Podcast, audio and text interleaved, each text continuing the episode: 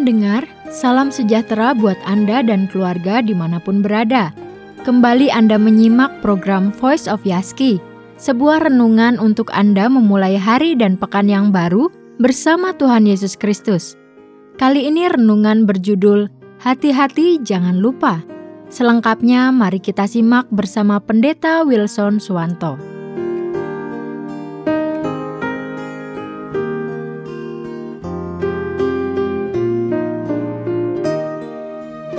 Saudara yang terkasih, firman Tuhan dalam ulangan 8 ayat 11 mengatakan, Hati-hatilah, supaya jangan engkau melupakan Tuhan Allahmu dengan tidak berpegang pada perintah, peraturan, dan ketetapannya yang kusampaikan kepadamu pada hari ini.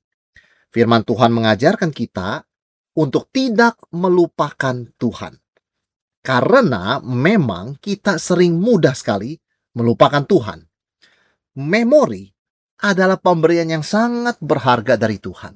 Kita bisa mengingat, kita bisa mengenang, ya, kita bisa seperti merasakan kehidupan di masa lalu itu hidup lagi sekarang. Adalah sebuah pemberian yang Tuhan yang sangat berharga. Kalau ada acara khusus atau liburan ke tempat-tempat yang jauh atau tempat yang istimewa bersama keluarga, kita selalu mengambil foto sebanyak-banyaknya. Entah foto itu kita lihat kembali atau tidak satu persatu, tetapi handphone kita penuh dengan foto untuk mengabadikan momen-momen tersebut menjadi sebuah memori yang manis, sebuah kenang-kenangan. Ada seorang yang sudah lanjut usianya dan mulai terganggu di dalam kemampuannya mengingat. Kemudian juga ibu ini sudah lama tidak bergereja karena kondisi fisik yang lemah. Suatu hari datang beberapa orang dari gereja mengunjungi ibu ini. Kemudian ibu ini terheran-heran melihat beberapa wajah yang tidak dikenalnya sama sekali. Dia mulai bertanya siapa namanya dan dan berbagai macam pertanyaan yang membuat beberapa orang di gereja ini menjadi heran. Oleh sebab dulu ibu ini sangat akrab, tetapi karena dia tidak lagi bisa mengingat terlalu banyak, maka dia tidak merasa mengenal orang-orang ini.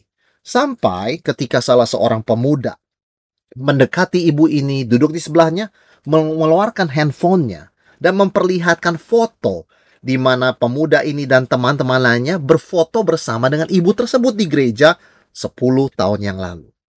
Ibu ini ketika melihat foto tersebut dia mulai tersenyum.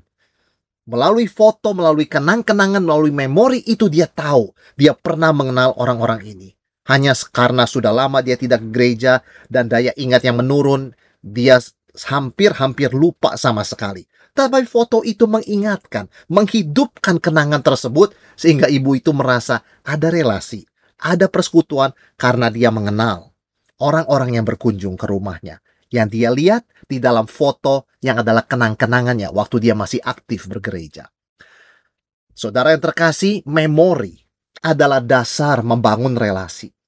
Ketika kita ingat dengan siapa kita menghabiskan masa lalu, siapa yang membesarkan kita, siapa yang memperkenalkan kita kepada Tuhan Yesus, itu menjadi memori. Bukan sekedar untuk diingat, tetapi untuk menjaga, memelihara, membangun relasi persekutuan dengan mereka. Kita ingat orang-orang karena kita mengenang momen-momen di masa lalu kita menghabiskan waktu bersama dengan mereka. Dan ada kenang-kenangan, entah itu berupa foto atau berupa hadiah, yang mengingatkan kita senantiasa akan relasi persahabatan persekutuan kita dengan orang-orang tersebut di masa lalu. Kalau memori adalah aset pemberian yang sangat berharga untuk relasi antar manusia. Betapa pentingnya memori atau ingatan itu di dalam relasi kita dengan Tuhan. Karena Tuhanlah yang memberikan kepada kita momen-momen berharga. Dialah yang memberikan kepada kita ingatan. Dia memberikan kepada kita memori. Dialah yang menghidupkan apa yang dia lakukan di masa lalu dalam hidup kita di masa sekarang. Itu sebabnya kita harus ingat. Kita harus menjaga, memelihara, mensyukuri memori, ingatan yang Tuhan berikan untuk tidak pernah melupakan Tuhan. untuk selalu mengingatkan Tuhan. Itu sebabnya di dalam bagian Alkitab yang kita baca tadi, dalam ulangan 8, bangsa Israel akan segera memasuki tanah perjanjian. Dan Tuhan sudah mewanti-wanti, ketika nanti kamu sudah makan, kamu sudah menetap, kambing dombamu bertambah, kamu punya rumah dan bertambah banyak rumahmu, jangan melupakan Tuhan. Jangan sampai perjalanan selama 40 tahun, pengalaman 40 tahun dipimpin oleh Tuhan di padang gurun, hilang begitu saja. Hanya karena keadaan menjadi lebih baik, lebih mudah, dan lebih nyaman, dan bersifat lebih menetap. Ini yang Tuhan ingatkan.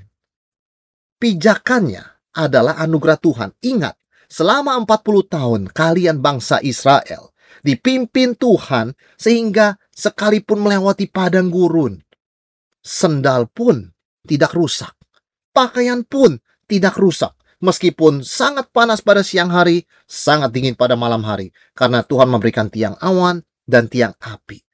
Jadi ketika mengenang 40 tahun perjalanan di padang gurun itu, maka semua orang Israel harus ingat, hanya oleh anugerah Tuhan mereka beroleh tanah perjanjian bukan karena kehebatan mereka, bukan karena ketidaktaatan mereka. Karena secara bangsa, banyak sekali orang Israel yang tidak percaya dan tidak taat kepada Tuhan, sekalipun mereka telah melihat mujizat selama 40 tahun. Tetapi Tuhan toh memberikan kepada sebagian bangsa Israel boleh masuk menikmati tanah yang dijanjikannya. Artinya apa? Semua yang mereka dapat adalah anugerah Tuhan bukan karena kehebatan mereka. Dan Tuhan mengatakan, aku memberikan tanah ini karena aku ingat kepada janjiku sendiri kepada nenek moyangmu bahwa aku adalah Allah yang setia.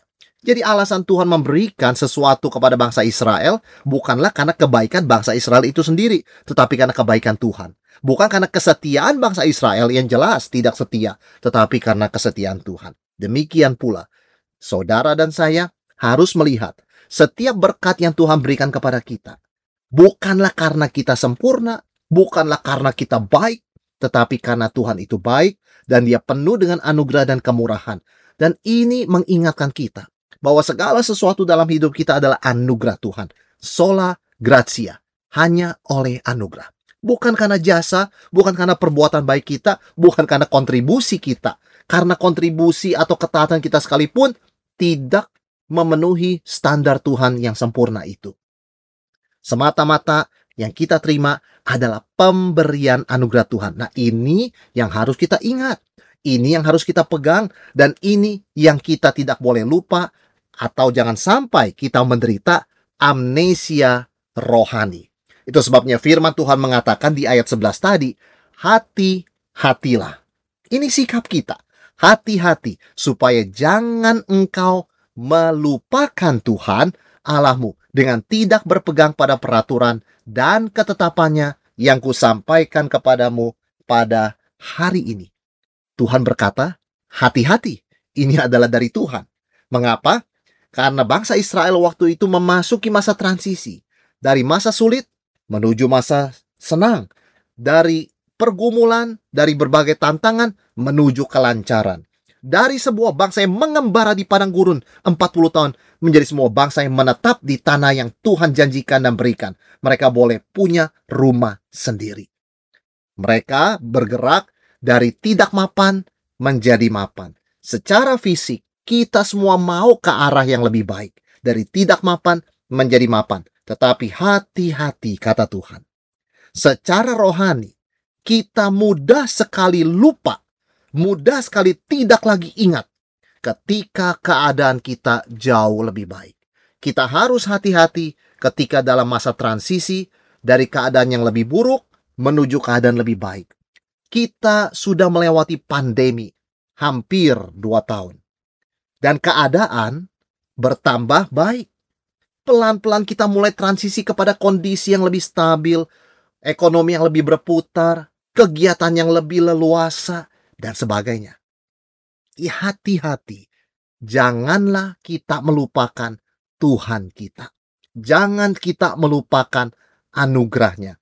Jangan sampai kita setelah melewati pandemi ini berkata, dengan kekuatanku, aku boleh melewati pandemi selama beberapa tahun. Kita jangan berkata demikian, kita jangan lupa. Tuhanlah yang memberikan hidup kepada kita, bisa melewati pandemi yang memakan begitu banyak korban itu.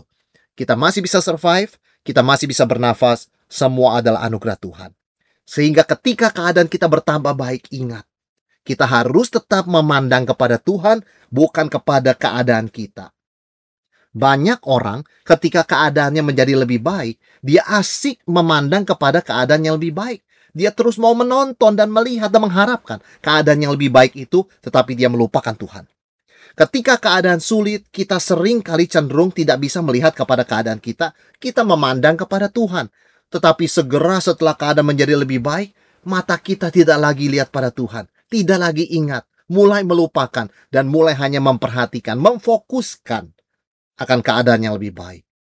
Bayangkan seorang anak Tuhan yang dari keadaan yang sangat sulit secara ekonomi, dia harus berpindah-pindah tempat sampai satu hari Tuhan memberkati dia dengan rumah yang besar. Dengan tempat yang menetap bukan bukan hanya satu rumah tapi banyak rumah. Apa yang dia lakukan? Dia asik menikmati akan berkat-berkat itu berpindah dari satu rumah ke rumah yang lain, merawat, menghabiskan waktunya, memperindah, mempercantik rumahnya, dan dia segera melupakan Tuhan karena menyibukkan dirinya dengan keadaannya yang jauh lebih baik. Tentu boleh sekali kita improve keadaan kita secara fisik. Baik itu rumah, baik itu harta benda kita. Tetapi jangan sampai keasikan, kenikmatan tersebut membuat kita melupakan Tuhan. Melupakan anugerah Tuhan. Karena ketika mata kita tidak lagi memandang kepada Kristus, di situlah awal dari suatu bahaya rohani yang sedang mengintai kita dan Tuhan tidak mau kita jatuh dalam tipu muslihat iblis, jatuh dalam pencobaan, jatuh dalam keduniawian. Itu sebabnya Tuhan memperingatkan. Firman Tuhan bukan sekedar memperbaiki kelakuan yang salah, tetapi mencegah orang jangan berbuat salah. Sebab itu ada kata-kata hati-hati. Lebih baik menyediakan payung sebelum hujan daripada kita harus membersihkan baju yang basah karena lupa bawa payung ketika hujan. Mencegah lebih baik daripada menyembuhkan. Tentu Tuhan mengampuni dosa kita.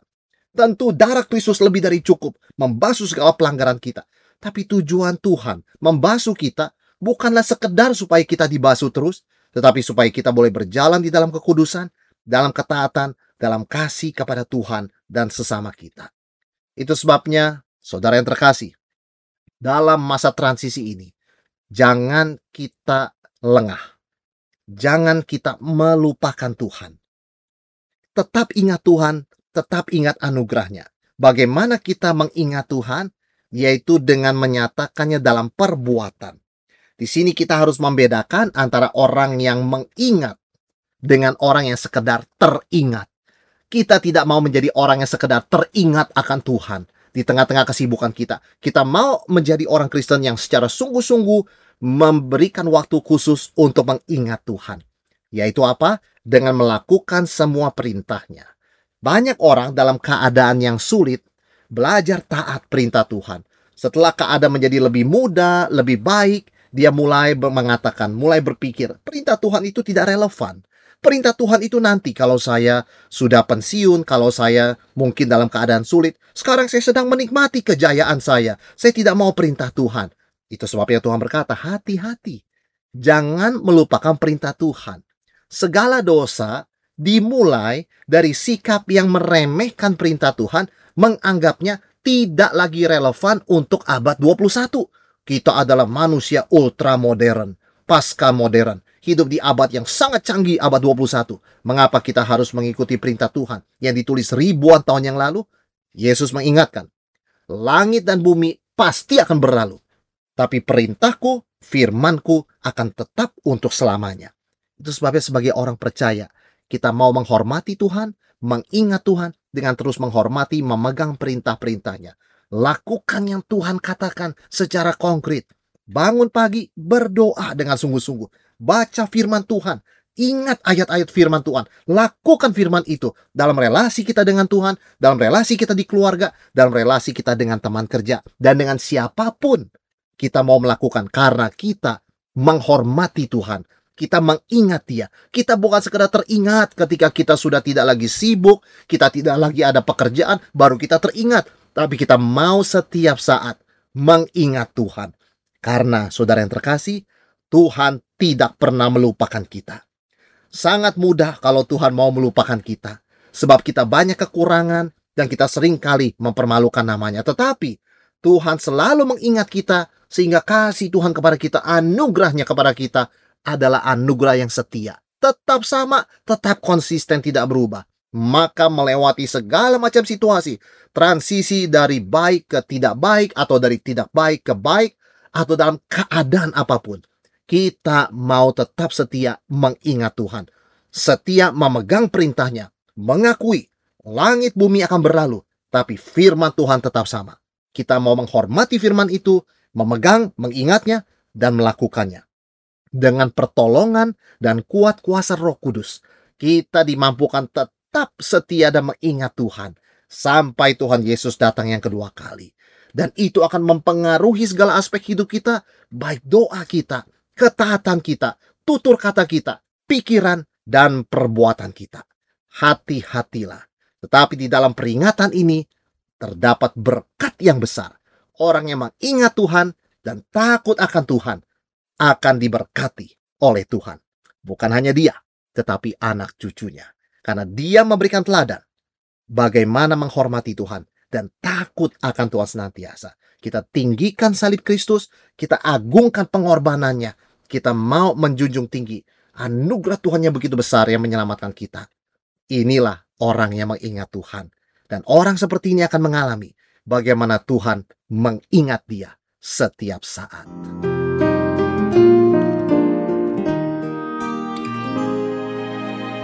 Demikian Voice of Yaski bersama Pendeta Wilson Swanto berjudul Hati-hati Jangan Lupa. Anda dapat kembali menikmati atau bahkan membagikan renungan ini melalui akun Spotify Voice of Yaski atau kunjungi podcast.yaski.co.id. Bila Anda ada pertanyaan atau kesaksian seputar renungan kita kali ini, silakan kirimkan pesan Anda melalui WhatsApp di 0812 8784 7210. Selamat beraktivitas dan salam sehat selalu.